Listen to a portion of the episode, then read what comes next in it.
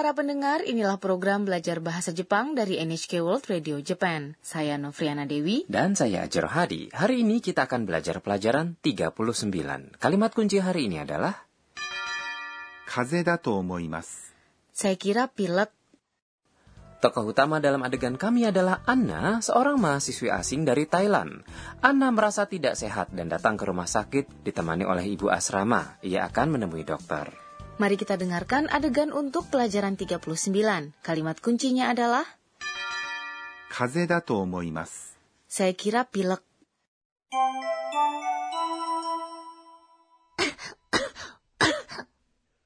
どうしましたか咳が出ます。熱も37.8度あります。喉を見せてください。風邪だと思います。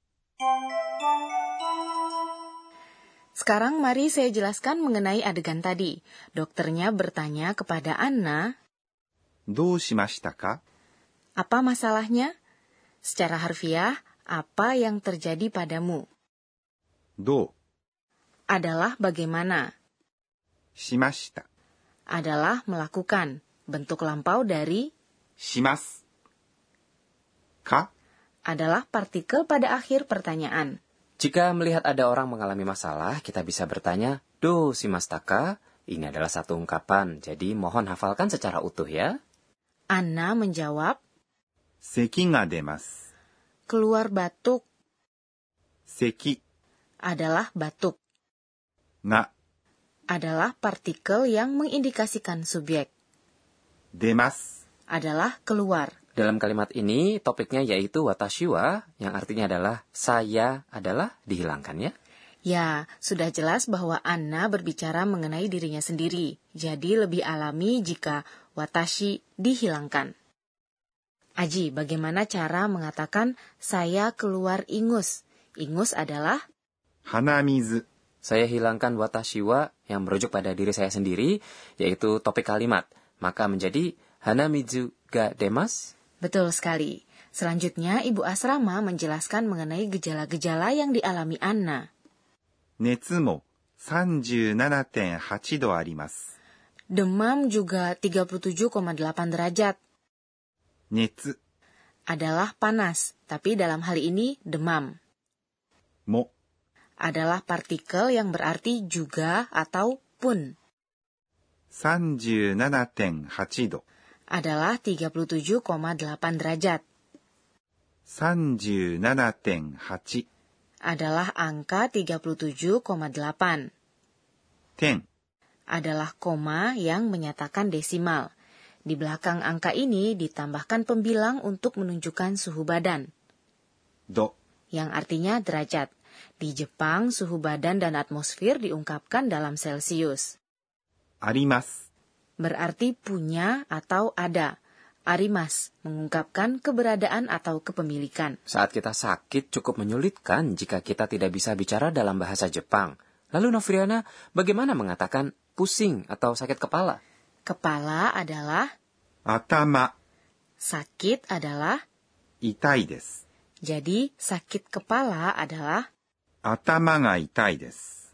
Untuk sakit perut, perut adalah onaka maka kalimatnya menjadi Onaka ga itai desu.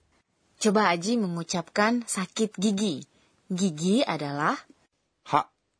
Ha ga itai desu, kan? Ya, betul. Nah, dokternya menjawab Nodo o misete kudasai. Mohon tunjukkan tenggorokannya. Nodo adalah tenggorokan.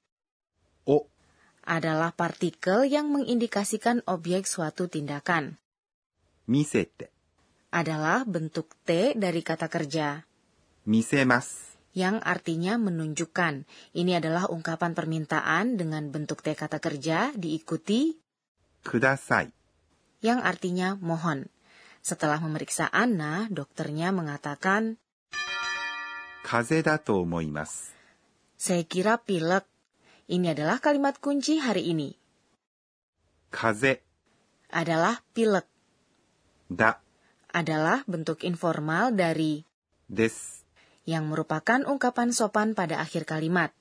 Kita mengatakan to omoimasu yang maksudnya adalah saya kira saat kita mengungkapkan pikiran, pendapat, atau dugaan kita. Jadi mari kita berlatih mengucapkan kalimat kunci hari ini, saya kira pilek. Kaze da to omoimasu. Kini mari kita dengarkan adegan untuk pelajaran 39 lagi. Kalimat kuncinya adalah... 風邪だと思います。saya kira pilek.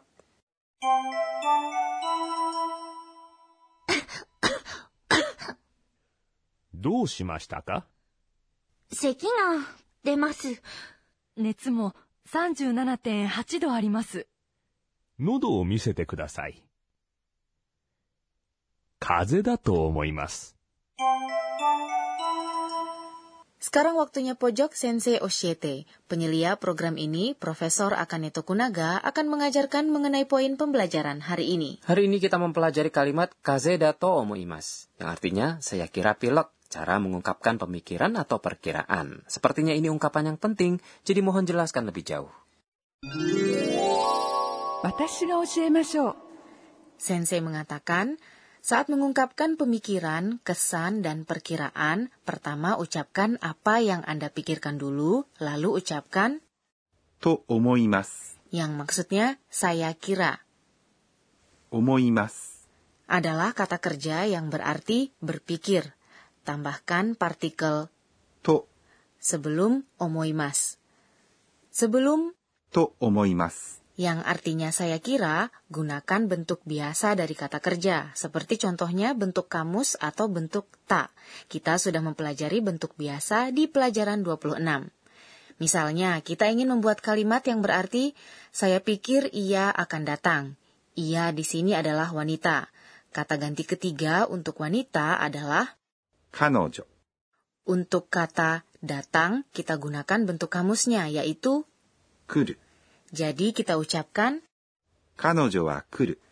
ia akan datang. Setelah itu ucapkan と思います。 yang artinya saya kira. Maka setelah digabung menjadi 彼女は来ると思います。 saya kira ia akan datang. Jika kata sifat i muncul sebelum to omoimas, maka tidak berubah. Kita ambil contoh kalimat saya pikir ia cantik. Cantik adalah 美しい。 yaitu kata sifat i. Jadi kalimatnya adalah 彼女は美しいと思います。 Jika kata benda atau kata sifat na muncul sebelum to omoimas, kita hanya perlu menambahkan da setelahnya. Misalnya kita ingin mengatakan, saya kira itu praktis. Itu adalah, それ、 praktis adalah, 便利。 yaitu kata sifat na.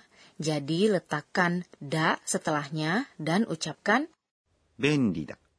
Maka kalimatnya menjadi sore wa benri da. Yang artinya itu praktis. Setelahnya tambahkan to omoimasu. Yang artinya saya kira.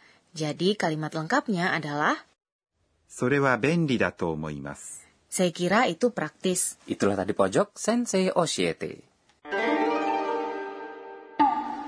Berikutnya adalah pojok kata tiruan bunyi. Tema hari ini adalah batuk. Batuk ringan seperti ini adalah kongkong. Sekali lagi. Kongkong. Bagaimana dengan batuk berat?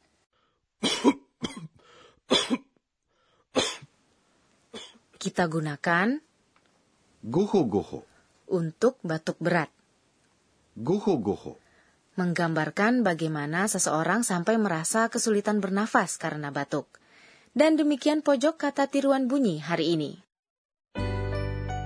Sebelum menutup perjumpaan, inilah pojok catatan si Anna. Itu cuma Kasir di rumah sakit dan juga apotek mengatakan, Odai Jini, maksudnya semoga cepat sembuh. Semua orang mengkhawatirkan saya, saya merasa disayangi. Saya akan berusaha supaya cepat sembuh. Apakah Anda menikmati pelajaran 39? Kalimat kuncinya adalah Kaze da to omoimasu. Saya kira pilek. Ikutilah episode selanjutnya.